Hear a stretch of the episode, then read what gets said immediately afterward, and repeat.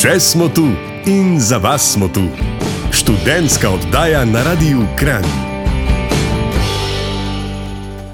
Pozdravljene, ljubice, pozdravljeni, ljubčki in vsi tisti, ki boste to še postali. En dober večer vam voščem. Teden je naokrog, na sporedu je študentska oddaja, ki jo danes usmerjam Andraš. Vodam je ne, ker me bo to najbrž ona. Pa Anja, ki bo vmes skočila pred mikrofon, ali pa sploh današnja gostja, ki je, imamo občutek, prava zakladnica zanimivih življenjskih zgodb. Nje nisem poznal še do pred kratkim, ampak sem pa res vesel, da jo imam danes v studiu. Včeraj sem si sposodil njeno knjigo Euphorija, ki me je takoj potegnila vase, a ker sem pač bolj počasen bralec, nisem prišel neki še predaleč. Vseeno sem prišel tako daleč, da vem, da avtorica ne mara opredelitev, kaj in kdo je, saj to zgolj ukaljuplja. Ne dovolj, da bi bila pač to ukalupljanje, ne dovoli, da bi bila karkoli je lahko. Kljub temu lahko povem, da je svetovna popotnica, kjer na različnih koncih sveta vesla, turno smuča, teče po ravnem, teče v gore, teče z gora dol, vmes zauživa okolico in tvori besedilne in slikovne zgodbe. Te lahko vidimo tudi na njeni odprti Facebook strani. Diplomirala je iz psihologije in magistrirala iz sociologije, zaposlena pa je v vzgojnem zavodu Kran. Tam za mladino med drugim že vrsto let zapored organizira peši izlet iz Kranja pa vse do morja. O tem in o drugem se bova danes pogovarjala s Petro Vladimirov. Z njo v pogovoru po ruskem oddahu. Bo ruski prvi komat Živijo, najprej pozdrav vsem. Uh, moram reči, da si je kar izčrpno predstavil, glede na to, da se poznava res nekaj minut. Um, bova začela že s kakšnimi vprašanji ali gremo kar na glasbo? Gremo najprej na glasbo, pa se bomo pa vrnili. Okay. Še smo tu in za vas smo tu. Študentska oddaja na Radiu Kran. Pozdravljeni nazaj. Slišali smo že prej malo glas Petra, ampak nismo pa še zvedeli točno, kaj in kako. Uh, Petra, ne vem, kje bi začel. Pač, začnem bolj na formalnem delu službe. Ja, da je najprej formalno. Ne, sem hotel ja. reči, ker ali pa športen del, nekako se mi zdi, da se oboje tako prepleta. Ja, točno tako. tako da ti ja. us, ja. uspeva. Da ja, ogromno je tega prepleta, uh, čisto vsakodnevno in na projektih, ki jih sicer izvajamo v zavodu z otroki, ki so tja nameščeni. Torej, zaposlena si v zavodu, v vzgojnem zavodu Kran. Vzgojni zavod Kran. Ja. V knjigi, kamor sem, do kamor sem prišel, pri tvoji knjigi Euphorija, mi je bilo zelo zabavno prebrati tisto, da si poslala prošen na različne konce in kako od uh, Društva za nenasilno komunikacijo. Jo, zdaj pa ne smeva vsega povedati, ampak ta anekdota je ena boljših. Ja, um, to bi jo rad slišal. ja, a jo ponoviva. Prosim. Ali povava bralce, da sami preberejo. No, lahko pa to uh, zgodbo ponovim, kot en primer, um, kad, kad, da mal predstavim knjigo, tudi v kakšnem stilu je zapisana. Skratka, ja, iskala sem službo in sem na različne konce poslala prošnje in uh, med drugim tudi uh, Društvo za nenasilno komunikacijo. V tistem pa. Um, Sem tiste dni, no, sem se pa pogovarjala tudi z eno uh, prijateljico po telefonu, pa nekaj smo se mesežirali. Um, in uh, ponavadi uh, je pa tako, da kadar se mi dve slišva, se zaživijo, zmeraj zasujeva z najbolj sočnimi kletvicami, ampak to mora biti res mastne. To prvo tekmujeva ne, v tem, kje je bolj zasolila. In v tistem, ki sem videl, mesežirava, zazvoni telefon in misleč, da me kliče ona, seveda, ker se ne lupa več po mesežu pogovarjati. Uh, jaz dvignem telefon in spustim rafal, ga ne bom poslušala, da ne ponovila v eter. Uh, ampak ni bila moja dolgoletna prijateljica, uh, so bili iz društva na nenasilno komunikacijo, ki so me želeli povabiti na razgovor, no do tega razgovora potem ni prišlo. Čeprav sem se strašno upravičila, gospa, ne, ni bilo vam namenjeno, ampak mislim, da gospe. Ni bilo to dovolj. ja. Kje je fascinantna kombinacija, prav društvo za nenasilno. Ja, in potem sem dobila službo za lahkoto v vzgojnem zavodu. Si se njim malo drugače javljala? Ja, ali pa včasih v šali rečem, tudi tam tudi take sprejmejo. Začela si tam leta 2007. Um, kako se je razlikoval tvoj začetek, pa delo zdaj? Kako si um, napredovala kot delavka tam? A se je kaj spremenil bistvenega, um, kaj novega, ki si spoznala, ki nisi poznala na začetku dela? Moram reči, da, da, da bistveno ne. Jaz uh, že od vsega začetka se mi zdi, da. Um, Je treba v naše delo čim več pestrosti vnesti. Jaz želim tudi otrokom čim več izkušenj dati. Um, se pravi, vse te uh, projekte, ki jih izvajamo, ne gre toliko za. Um, Nekom ne bom zdaj rekla razvajanje otrok, ampak veliko rečejo, kam jih vse pelete, kaj jim vse nudite. A pa oni to sploh zaslužijo. Uh, ne gre tukaj za to, gre tukaj za to, da otroku nudiš izkušnjo, ker to so otroci iz uh, veliko krat iz zelo neuspodbudnih uh, družinskih okolij uh, in teh, teh izkušenj jim ogromno premankuje, vsega jih je strah, uh, niti ne vejo, kako se v določenih situacijah obnašati, a, a jim bojo kos. Uh, zato uh, je v bistvu to izjemno koristno, da jim tako ogromno izkušenj nudimo. Uh, zdaj, jaz sem to od vsega začetka uvajala in tudi do danes. Uh, jaz to rada počnem na delovnem mestu, čeprav nikjer ni predpisan, da bi vse to mogla. Mm. Uh, uh, in tudi velikrat rečem, ko se mi pa ne bo več ljubil, uh, bom pa začela iskati novo službo. Edino, kar je zdaj mogoče pa razlika od začetka, pa je, da, da kakšne stvari mečkam manj resno, pa mečkam manj osebno jemljem. Uh, mogoče sem se na, na začetku bolj sekirala, če otrok ni bil uspešen, oziroma ni bil uspešen toliko, kolikor sem si jaz predstavljala, da bi mogel biti. Uh, in ga zdaj bolj nekako jemljem, ok, bolj se mu prilagodim njegovim ciljem, njegovi perspektivi. Tudi velikokrat rečem, v redu, če, če pa stokrat ni rad, mogoče bo pa sto prvič. Uh, mogoče tukaj malo več potrpežljivosti dobivam. Ta razlika je. Se ti je to um, pokazalo, da je tudi pač uspešno, da s tem, da ko bi rekel, moče nek kurikulum v narekovajih, ki je ustvarjen, zakaj bi otrok rabo imeti. Pa, vem, recimo, če si imel prej načrte, kaj narediti, zdaj pa bolj v smeri otroka, da greš. Pač... Ja, se, še, še vedno so načrti, ampak mm. ne zdi se mi pa. Uh, tako katastrofalno, pa, pa zdaj ne govorim toliko o naših projektih, bolj govorim o uspešnosti v šoli, um, mogoče tudi naši konflikti ali pa. Um, da mogoče jih nekako v življenju ne zalaufa, tako kot bi mogel, potem, ko gre od nas. Um, vedno si rečemo, ok. Ni vsega konca, se mogoče bo pa drug let boljši, ali pa sej se da, pa dajmo še naprej proba, dajmo še naprej, ker um, tukaj mogoče si ljudje, ki ne delajo s, te, s to mladino, si ne predstavljajo, kako enormno potrpežljivosti je to treba. Tukaj včasih to je res uh, tek na zelo, zelo, zelo dolge proge. In uh, včasih je treba stokrat eno in isto stvar ponavljati, trenirati, mogoče stokrat propadla. Uh, pa bo sto prvič potem pa le uspela. Mogoče, mogoče pa tudi ne. Kakšne so pa starosti? Ja, zdaj so že kar. Um, kar nizka starost, moram reči, tudi 7-8 letnike dobivamo. Se kaj skozi pa... leta spušča? Ja, ja, zaradi tega, ker nekako smiselno je, da se mlajše otroke namešča v rejniške družine, vendar uh, obstajajo, mislim, z leti, uh, zdaj, ko jaz um, delam v tem, opažam, da je vse več tudi.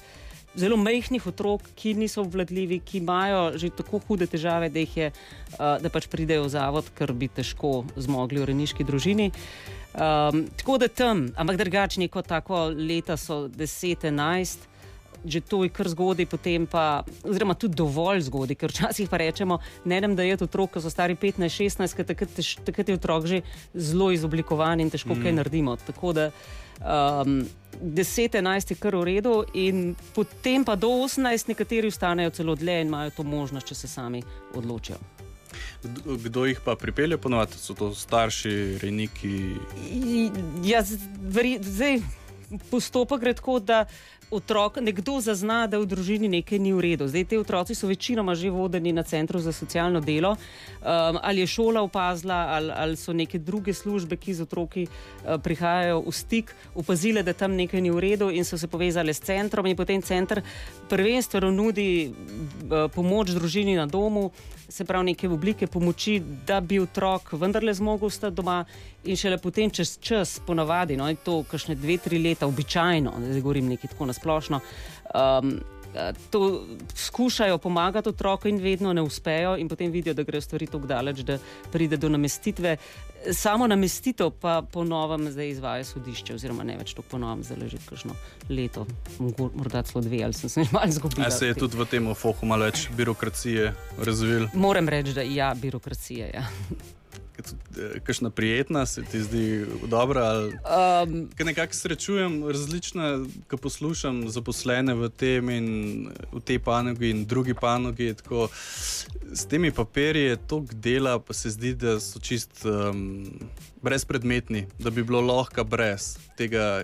Treba vse popisati, kako točno je bilo vnaprej, za nazaj. Um, če, če tega ni, se nek, nečesa ne da. Ja, naprej. ja, ja. Točno tako je in tako je žal tudi pri nas v skupinah. Uh, že tako imamo mi v popo- popoldanskem času 8 otrok na enega vzgojitla, ampak poudarjam, da gre to za 8 otrok, ki imajo neke določene težave. In um, je treba speljevati popovdne že neke čisto običajne dejavnosti, ki so popoldanske od domačih nalog do, do tuširanja, priprave obrokov, plus še kakšne delavnice. Uh, in kar je zdaj ta dodatek, pa še ogromen dokumentacije voditi dnevno. Mm. In, in predstavljajte si, da, da moraš biti fizično uh, z otroki in istočasno naj biti še dokumentacijo vodil. Se to v resnici je praktično nemogoče. Potem pa nekaj sprot pišemo, oziroma pol v nekem drugem času, ki nam je tudi na razpolago, uh, tisti um, kasneje pol do, dopisujemo. Ne? Ampak vse mora biti zapisano. In tisoče nekih tabel, ki jih moramo na razne konce pošiljati. In, in, um, tako zelo ponavljajo se tudi te naše zapisi. Tako da, ja. A se bo to kaj spremenilo ali gre Ne samo? vem, ne vem, bi bilo super, bi bilo, ampak le, uh, ne vem. Zgleda, da ne, no. zdaj gre v slabšo smer. No, ko so veliko zaključili na tako pozitivni noti, da uh, nam zaupi svojo prvo glasbeno željo. A švajt na Veroniko. Dajmo. Ja. Veronika je pa pesem, ki je bila pa letošnji hit, uh, ko smo z otroki hodili iz Kranja v Piran. Vsako leto je kakšna pesem hit in dajmo letos Veroniko. Veronika. Passion out. Še smo tu in za vas smo tu. Študentska oddaja na Radiu Kran. Pozdravljeni nazaj, Andraž z vami, z mano pa Petra, športnica, psihologinja, sociologinja in. Pismo, vse to. Ja, pa najbrž se še kaj najde. Ne? Mogoče, ja. Um, mentorica mladim v zavodu, bi Ja. lahko tako poimenoval. No, recimo mentorica, čeprav to je tako. Je malo. Tak, No, Uradno dajmo najti tak boljši izraz. izraz. Kaj bi bil? Um, ah, ne vem, dobro, ajde, dej zdaj v, v kar- Ne, če si rekla, da ni v redu, zdaj najdemo pa boljši izraz. Manj uh, tak. Ja. Um, ma vodja tudi ni. To je še slabše. Ja, to je še slabše. Ja. Um, Druga mati. Raz, boh, no, to ni. Lej, Temu, te, tega pa res ne maramo. In tudi včasih otroci potem sami rečejo, joj, vi ste pa kam mami. Tle je zelo delam to razliko. ne, Mm. Da, da, lej, ti imaš mami in tisti je tvoja mami. Um, in pomemben je, da otrok obdrži svojo mamo. In da uh, seveda se tle zgodijo vse sorte transferi in tudi nas včasih doživljajo. Um, Kot zelo bližne, oziroma se to prepletajo, tudi stvari, ki jih doživljajo do staršev, tudi na nas pol ta čustva obračajo tako ali drugače. Ampak um, zato je pa pomembno no, delati to razliko, starš ali pa mi. Um, ja. Ampak še zmeraj nismo najdli izraza, ampak zdaj ga tudi ne bova, ker zdaj jaz ne morem razmišljati. Um, Vse je v v tej redu. smeri. Ja. Sem že malo bupal, ampak si se dobro ven izvlekla. Ja. Um, ti si že začela govoriti o vašem um, res hudem izletu, ko greste iz Kranja pa do morja peš. Ja. Dej mi prosim malo več o tem pove. Ja. To je naš projekt Pohod Alpe Adria, ga imenujemo. Uh, letos smo ga speljali že sedmič. Gre za to, da se v poletnem času z mulci res peš odpravimo na morje. Uh, in prehodimo nekako razdaljo, tam približno 170 km iz Kranja do Pirana v šestih dnevih, kar pomeni, da hodimo približno 30 do 40 km na dan, zdaj zadnja, zadnji dan je mal krajša etapa, ki gre samo v bistvu od, od Žusterne do, do Pirana, mm -hmm. tiste potem še tako sladkor, sladkorček. Mm -hmm. um, ampak ja. Um, prehodijo mulci, ponavadi ekipa tam od 6 do letos, rekordnih 12 otrok. Um, prehodijo v glavnem celo pot, um, razen mogoče kakšnih kriz, pa kdaj, ki kdo uh, res se ga ni dal motivirati, pa se je kakšen mehen delček pelov. Uh, so vsi, ki so se prijavili, to pot tudi prehodili. In to, to jaz um, govorim, da je nekaj res nek, nekaj fantastičnega, nekaj čudežnega, da, da te otroci to pravzaprav zmorejo. Stari so včasih, najmlajši so tudi 11 let bili stari in so zmogli celotno pot. Pa so to kakšni športniki? Ne, ne. ne. ne. ne. Ubujajo superge, uh, velikrat takšne superge, kakršne pač imajo, to so lahko tudi neke zelo enostavne superge. Um, in grejo, in hodijo. In uh, neverjeten, koliko ustrajnosti. Um, pokažejo. Pričemer, uh, k nam so otroci, ko se jih namesti, se jih veliko krat opredeli kot otroke s čustvenimi in vedenskimi motnjami. Um, se pravi, za njih je značilno, da naj ne bi bili v, v toliko strajni, da bi uh, velikrat obupali, uh, te, teže prenašajo frustracije. Um, te, težko, no, pri čemer koli sploh ustrajajo, sploh še nekaj težkega, vendar tukaj se pokaže ravno nasprotno. No. Izjemni so. Um, Tudi neverjetno je, kako se tam tretji, četrti dan povežejo, kako ekipa res začne delovati skupaj um, za isti cilj, kako se vzpodbujajo. Um, sicer v življenju se mnogo krat kregajo, seveda to prihaja do tisoč konfliktov, vse so tudi v teh letih. Eh, ki se za vsako stvar spričkajo, ampak tukaj na poti jaz ne pomnim, da bi sploh kdaj bil kakšen omembe vreden konflikt. Najbrž se sploh ne zmorejo. Ja, mogoče so tam zmatrani. Ja. Oziroma, ne, ne, ker smo letos opazili. Ja, Ker je neverjetno, in jaz sploh ne vem, kako je to možno. Um, ja, seveda so utrujeni ne? in tudi kakšen pojamra, in tudi kakšen eh, kaj zakovnik. Ali je prišlo do kakšne poškodbe, kdaj je ta zgolj umem? Ne, ker sem hotel reči, mi pridemo na cilj.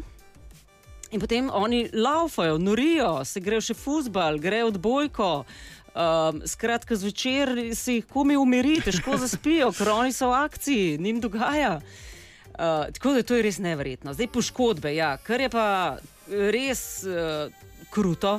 Uh, so seveda žuli. Tle, tle mm. še nismo čudežne formule izumili, kako bi se temu izognili.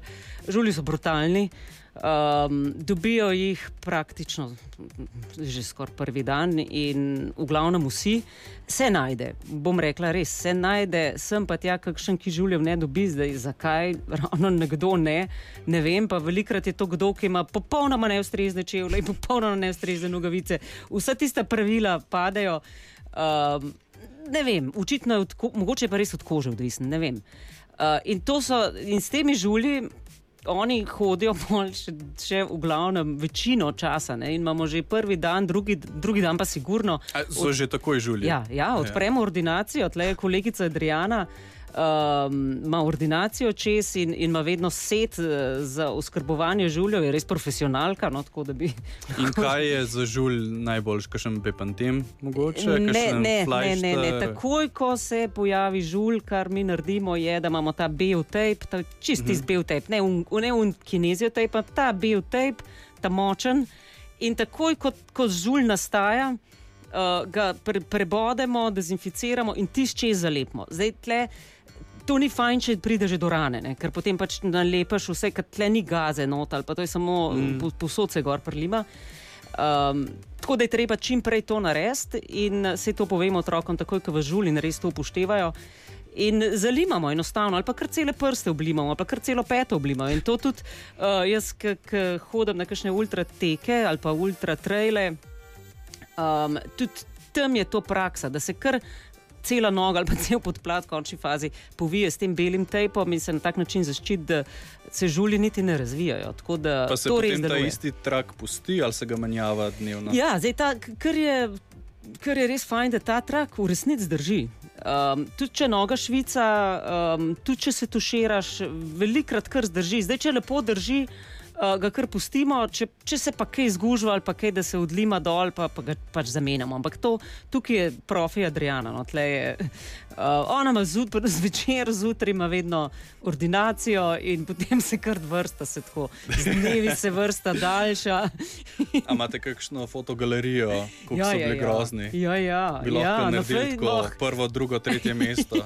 A ja, to bi pa res Ja. lahko. Ja. Lahko, da spodbudite, da se še vzame to bolečino mal stran, da je tako večji, kaj je žul, večja nagrada. bo. Ja, se ti štosi so vse sorte. Ne? Ali pa kdo, ki ga še nima, je prav razočaran, pa pot- potem pa vsak dan gleda, pa nimam še benga žula, pa ga pol dobi, oj, jaz, žul, jaz, Adriana, dajte. V Letos sem imela ena, uh, pete vse poflajštrane, pa vse prste razen dveh, se pravi, ja, osem prstov je imela požuljene. Od gležnja dol je bila pač mumija. potem. Ja, skoraj res. Ja. Ti, ki si taka športnica, tudi še dobiš žulje ali imaš že bolj Ne, ne, navajeno? ne, in ne kožo? vem, zakaj ne. Ma- Mogoče res od kože odvisno. ne vem. Tudi Res me zanima, ali imaš tršo ali kaj je. Kaj? ne, me zanima, ker, če zakaj, zakaj se spuščam bi- toliko v te žulje? Zaradi tega, ker so zame osebno grozna stvar. je Res, Ja, zanima me, kaj je stvari, ja, recept, ja. ne, da se bi ubranil v prihodnih letih. Ne vem, le, res ne vem. Mogoče jaz res ogroben sama hodim, ogromno hodim bosa, mogoče pa to. Danes si v studio prišla, sem opazil, imaš tudi posebne čevlje, so tiste, Ja, kako se imenujejo. Five fingerce na, na prste, ja. So bolj nek uh, tank podplat. oziroma Ja, kaj? ja, čistanek pod plat, le gre v resnici. To je v bistvu kot bosa hoja, um, skratka na prste. Ja, da, Mm. um, ta barefoot uh, varianta. Nekoč zelo popularna, zdaj malo manj, ampak uh, meni izredno ustreza. Je pa res, da sem jaz ta barefoot že takrat, ko je ven prišel, se pravi že ne, vem, 20. Um, sem začela iz, zelo v tej smeri in, in meni ustreza čim manj nekih blažen, čim bolj lahkoten čevelj, čim bolj svoboden čevelj, tudi, tudi sicer. In koža ni trša potem. Po moje skozi je čas. mal, ne, A a je, zdaj je. bomo že estetske, estetske detajle. Jaz mislim, da je, ja, tako u- usnjata postane. Ja. Ok, si sem dobil z- dovolj informacij. Mislim, lahko ti pol pokažem, le ga dam dol, pa boš potipal. Ok, te bom držal za besedo. Um, a že kaj tazga, preden greva na glasbo, da omeniš glede uh, teh izletov? Kaj, kaj je bila, kakšna taka neverjetna. Um, Ne, ne, zdi, se mi, zdi se mi to res pomembno, no, da, da uh, smo to hojo upeljali uh, v naš zavod, da ta projekt uh, teče. Tudi sicer uh, se mi zdi hoja, se zdaj po- zaradi tu je vedno bolj popularna. No? Ampak prej, prej se je vse fokusiralo na tek, pa v hribe, ampak uh, zdaj z raznimi temi romarskimi potmi, Jakobova pot, Kamino in vse sorte, mm. ki, ki ratajo, ratujejo vedno bolj popularne, je tudi hoja, no, zdaj dobila svoje mesto, zato ker se mi hoja. Meni zdi ob seveda teku um, uh, ena izjemna, izjemno terapevtska uh, zadeva, tudi uh, hoja na dolge razdalje. Um, tukaj gre za, ne, ne samo za kot nekaj uh, telesnega, ampak tukaj gre za cel uh, mogoče. Terapevtski proces za, za nek duhovni razvoj. No, tako da se mi zdi res fajn, da so naši otroci uh, tudi tako zapopadli to, ne, ker nas, da se je na začetku skrbeli, da ne bojo, ne, da, da jim bo brez veze. Mm. Ampak neverjetno, kako to na njih deluje in koliko tudi njim ogromen pomen, da ko se enkrat odpravijo na to pot, da jo zmorejo in da prebrodijo te stiske, ki so res včasih krute ne, in tudi ponorijo in, in tudi jokajo, ker se bojijo, da mogoče ne bojo prišli do konca, eh, ko dobijo žulje, ko jih bolijo noge. Uh, in kako pol prebrodijo te krize in pridejo kon, do konca, in kakšna sreča je to. No? In, uh, gledati vse ta proces, um, to je res nekaj izjemnega. Tako da predlagam vsak, ki ima to možnost, da obuje čevlje, si vzame nekaj dni, uh, si vzame zemljevid in gre. ja, pa Slovenija je tudi tako super uh, lokacija za to, Ja, za vso kamor- naravo in vsem. Kamorkoli, ni treba iti na kamino. Jaz pravim, lahko Tako. stopiš pred hišo in lih to je bil point tega našega izleta. Stopili smo pred hišo v stražišču in začeli hoditi. In si imela takrat splanirano, ali si- se je To- prvič. Uh, To pot smo malo, ja, ja, to, to se je malo spontano razvijalo. Prvič smo se precej lovili, pa še tako je, da mi v resnici nismo verjeli, da bodo otroci to pot zmogli. Tako da čist prva, prva, prva varianta je bila taka, da smo šli mesi samo štiri dni in da smo jih ogromno mest tudi prevažali iz točke na točko. Mm. Potem smo pa dolg izvajali neko, mislim, dolg, ene dve leti. Tudi še eno skrajšo varianto, ker nam je tretja etapa, no, je zelo težka, je 40 km. In se nam je zdelo popolnoma nemogoče, da bodo otroci tretji dan, ko je res težek, prehodili 40 km. Tako da so tam hodili do predjame. In pa smo jih pa do razdrtega pelali, še 12 km. Pa je pa enkrat en fant rekel: Ej, jaz bi pa, zakaj bi se pel, jaz bi šel pa to hoditi, ne brez veze. In pol smo res naslednje leto pa probali vse nafinterati, ne pa dajmo probati hoditi in smo ugotovili, da ravno tem je pa smisel. Da tukaj je res tako težko, da se zgodi ta točka preloma, da tukaj pa res vidijo. Uh, Trčijo v svoje naj, največje krize, ne? in potem se začnejo štosirati, potem se začnejo boriti, uh, ustrajati, en drugega spodbujati. Tako da, ja, zmorejo, uh, zmorejo marsikaj. Uh, in to je dokaz. Tisto Katarino, ki smo jo prej slišali po prvem breku, je glasba, ki ste jo poslušali na pohodu. Ste že Veronika, zdaj ne. Ja, kaj sem rekel? Katarina, Katarina te po glavi skače. Ja, kaj je bil v imenu? Ja. Um, še kakšen komat, ki ste ga poslušali tako na, na, na pohodu? Ja, oh, ja. Ne, nimam pripravljenega, ne, ampak naši otroci imajo vsak let uh, prav izboren okus za glasbo, tako da bizarnih komadov na poti ne manjka. Ampak zdaj bi pa, zdaj bi pa tudi enega bizarnega. Um, To je pa en nemški komat iz 80-ih, um, ki sem ga pa slišala letos v Avstriji po radiju, po radiju ki sem hodila turno smučati. No, tako da uh, izjemen je, no, priporočam tudi ogled video spota, ki je v stilu 80-ih.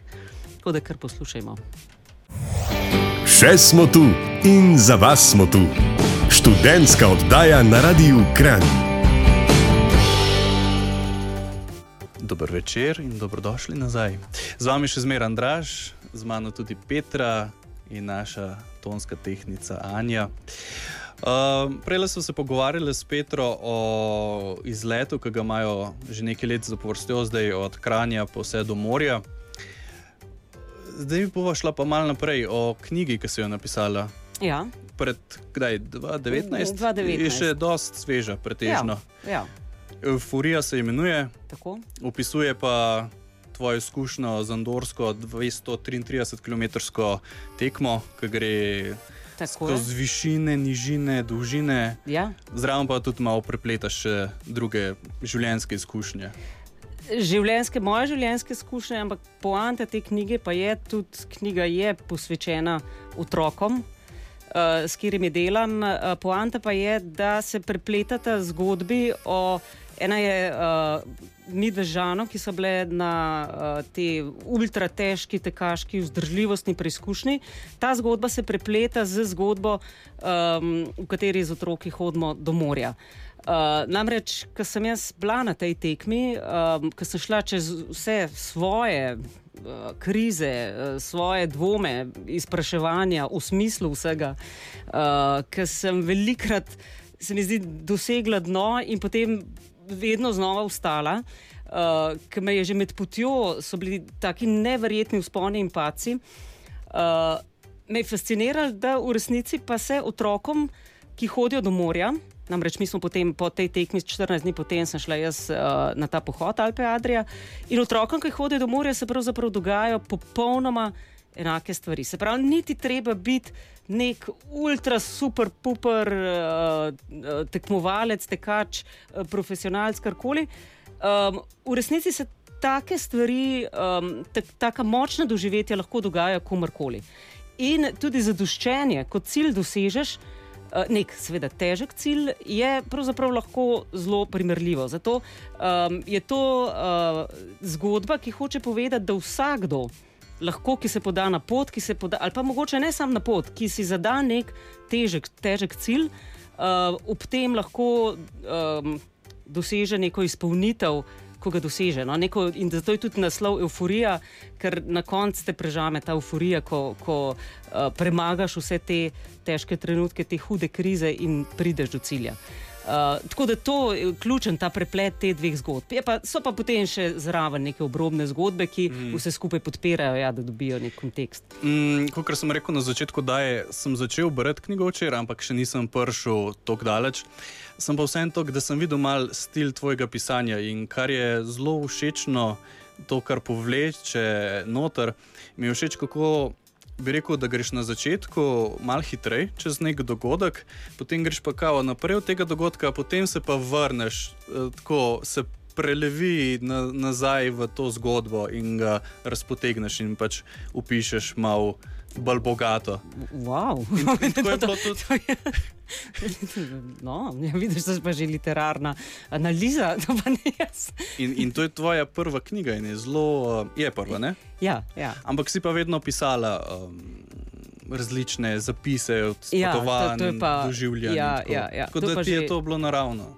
Zelo, tako zelo, zelo uživala sem v tem in res je to se nekako iz mojega bloga eh, prelevil v knjigo, ko me je um, samo Rugel od založbe Unko povabil k sodelovanju. Tako da sem zelo hitro tudi idejo dobila. Uh, da bi prepletla te dve zgodbe no? in da bi s tem tudi povzdignila dosežke teh naših otrok um, na, na en višji nivo, pokazala, te otroci pa so sposobni. To pa niso samo neki velikrat jih tako kot um, stereotipno oziroma s predsodki ljudje jemljajo, ali so to bluzeri, ali so pa neki reveži, ki se treba ljudem, da se smilijo, uh, bogi otroci ne, iz, iz uh, takih družin, ali pa, ali, ali pa itak so taki, ki z njimi itak nikoli več ne bo. To so pač predsodki, ki jih marsikdo ima. Ne. In jaz sem ravno to hotela pokazati s to knjigo. Ej, Um, če so lahko neki ultraši, ki premagajo 200-300 km razdalje, face, pa cari, pa vse sorte, ne, seveda, uh, to se potem, uh, um, tako priznanje se jim da, so potem tudi naši mulci. So vredni enega aplauza in da se jim reče, hej, da beste, cari ste, dobro ste tole speljali. Tako da to je pravzaprav priznanje njim, ta knjiga. Tisto, kar je nevidno, dokler se dejansko ne zgodi, je doskrat lih to. To, kako vložiš, to lahko ven dobiš. In če imaš nek predsodek, oziroma verjameš, da se nekaj ne da, je dosti več možnosti, da se ne bo uresničil, pa se ne bo dal. Ne? Točno kot, tako. kot nasprotno. In pri otrocih je to res. In mladincih, in mladih odraslih, in odraslih, pač pri vseh, ne, sploh pri mlajših se pa to sploh opas, je zelo pomemben, da je treba zupati ne imeti nekega stereotipa, ki bi. Stereotip bo samo stereotip ohranil, ne? Ja, cikl delo. Tako in v bistvu tudi, ko, ko mi hodimo do morja, jaz, um, ko jih vidim na začetku in kakšni otroci tu pridejo brez vsakršnih pri, predpriprav. Uh, velikrat se sama pri sebi, sebi rečem, kako je to sploh možno. In, in tudi uh, letos, no, ko smo prišli v cilj 112 uh, člansko ekipo, na koncu sem jaz komentirala, da je to resnično čudež. Ker sem bila priča vsem tem krizam na poti, tudi letos je bilo skoraj 40 stopinj, še to moram povdariti. Ravno v tistem času, ko smo hodili, uh, jaz pravim, da to je nek čudež. To, to očitno um, se to potem, oni zmorejo to pot res, ker, ker naša ekipa tudi tako verjame, da bojo to speljali in, in, in konec. In, in mogoče res zaradi vsega tega, da, da potem res uh, pridejo do cilja. In, tako kot ti praviš, ne, da, da ravno ta naravnanost um, mm. potem obrodi tak rezultat. Ni pa čuden, da to pride iz tebe, ker preden si prišla v studio, po službi si tudi bila na večjih vrhovih, ali kako si mi povedala prej. Ja, Nisi mogla, da ne bi. Zdaj, ali bi šla v Malo kol. trgovino, ali bi šla v kafič, ali, ali bi šla pa en krog tam čez Jošta, pa Mohorja. ne. Um, Jaz ja. sem s kolegom razmišljal iti uh, na Jošta, potem smo ugotavljali, da mogoče bo premalo časa, da pridem pravočasno v studio, peva naš Marjetno, tle blizu Kranja. Oh, mogoče bo še zmeraj premalo časa in smo se zafurali skoraj do vrha, 15 minut hoje smo imeli. Potem pa slišim, ja, ti si bilo pos- posod drugače. Jaz se sem malo hitreje stopila. Ja. Ja, verjamem. Ja. Um, a lahko poslušalci um, tudi te, ki mogoče spremljajo, pa vidijo. Te, ne vem, če imaš, imaš še blok. Ja, zdaj mogoče? blok je kot cici, moram reči, da sem kar eh, zadnje čase precej lena, no, da, ga, da ga ne toliko um, zdaj le updatam. Je Facebook bolj živ. Lahko, lahko na Facebooku. V resnici imam odprt profil in zdaj sem na švedskem veslala s potovalnim kajakom in so iz tega ratale lušne zgodbice. V resnici čisto spontano. Ko sem kaj postala, sem rekla, zakaj pa ne bi dodala še kratke zgodbice, tako da v vsakem postu, um, pred vsakim postom je neka zgodbica in so prav fino izpadle, moram reči.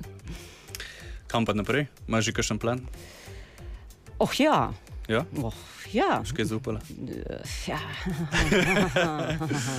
Je še skrivnost. Um, Marsikaj bi, um, mogoče bi na kakšen visok hrib šla spet, zdaj zadnje čase sem jih Kaj pa to visok zanemarila. pomeni? Koliko visok? 7000. Aha. Um, Nekje je. Nekje je. Ja. Mogoče bi šla smučati z kakšnega tacga visokega hriba. Izjemno si želim jet uh, smučati uh, v kombinaciji z jadranjem na Svalbard. Se pravi, to je ta otok čist sever, še severneje od Norveške. Um, tam, se, se, tam ni druge infrastrukture, kot pač je treba z jadrnico. In obstajajo neke jadrnice in greš Mm. lahko pol smučati. To si zelo, zelo želim. Skratka, sem tudi zelo eh, strastna turna smučarka. tako da Kaj tacga. Že dolga leta me mika um, v Ladaku, severna, na severu Indije, neka pot po zmrznjeni reki, Zanskar se mi zdi. Severna Indija je zmrznjena tudi. Ja, seveda. Ja. Severna Indija, Ladak. Zgled, ja, ne, sej geografsko ne, nisem najmočnejši. Tista- tista- Predstavljam Indijo instantno kot toplo. vročo. Ne, gor poseže v Himalajo in tam se Ja, seveda. po zimi reke zmrznejo, in po tisti zmrznjeni reki v resnici ljudje jo koristijo kot, uh, kot pot ne, Mhm. med uh, kraj. In ker tam so okoli 6-7 tisoč, tisočaki in ta zmrznjena reka odspod teče, in po tej zmrznjeni reki se da no, neka taka prav. Um, neka pot utečena, zimska, več dni, no, tudi hodiš po tej reki. To me zelo zanima. Kakšne take stvari, no, mogoče. Hudo, jaz imam pa cilj na koseški bajer enkrat, Ja, kaj je. Neka disonanca je med cilji, ampak. Ja. Uh, Petra, najlepša ti hvala, da si bila moja gostja. Uh, za poslušalce, če si hočete prebrati knjigo, zihrama vaša najbližja knjižnica na voljo, Euforija. Uh, priporočam. Uh, torej, ja, hvala, da si bila tlele. Uh, kaj bi bila tvoja zadnja glasbena želja danes? Um, aha, zdaj bomo dali Dalido. Pa dajmo Dalido. No? To je pa um, ženska, ki je izjemna ženska, v kateri je bil tudi spomlad film, ga zelo priporočam, in ki je zelo, zelo, zelo tragično končala in bila tudi skozi življenje zlorabljena na številne načine. Dajmo poslušati, no? njen poklon njej. Okay. Poslušate študentsko oddajo na Radiu Kran. Sedaj pa svinčnik ali tablico v roke. Saj si tole, kar boste slišali zdaj, velja zapisati vse koledarje in opomnike tega sveta. Evo, zdaj le tudi nimamo ogromno stvari za povedati. Prva je rekreacija odbojka na Milki, ki poteka vsak petek od 7 pa do 9 do konca septembra, ki je fitko, stražišče, brezplačno. Pridete na ksk.si, pa se lahko prijavite preko Doodle obrazca. Druga stvar je prav tako športna vodena vadba, ki traja vsak ponedeljek med 23.8. in pa 27.9. od 8 do 9. Kje? Čemp center športa, kran in prav tako brezplačno. Isto pridete na ksk.si in se prijavite preko Google obra obrazca. Zdaj, ta tretja stvar je pa malo manj športna. Filmski klub še zmeraj traja, so ga malce podaljšali. Uh, ne, prvo srečanje, a, nova sezona.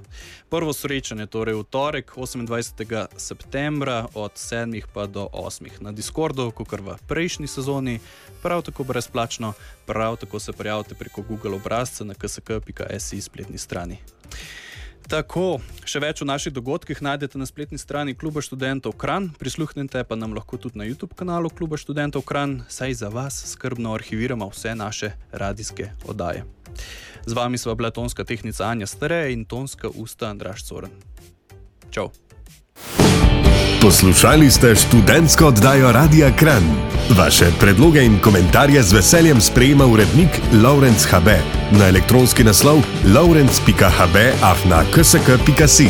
Še smo tu, vaš klub študentov Kran.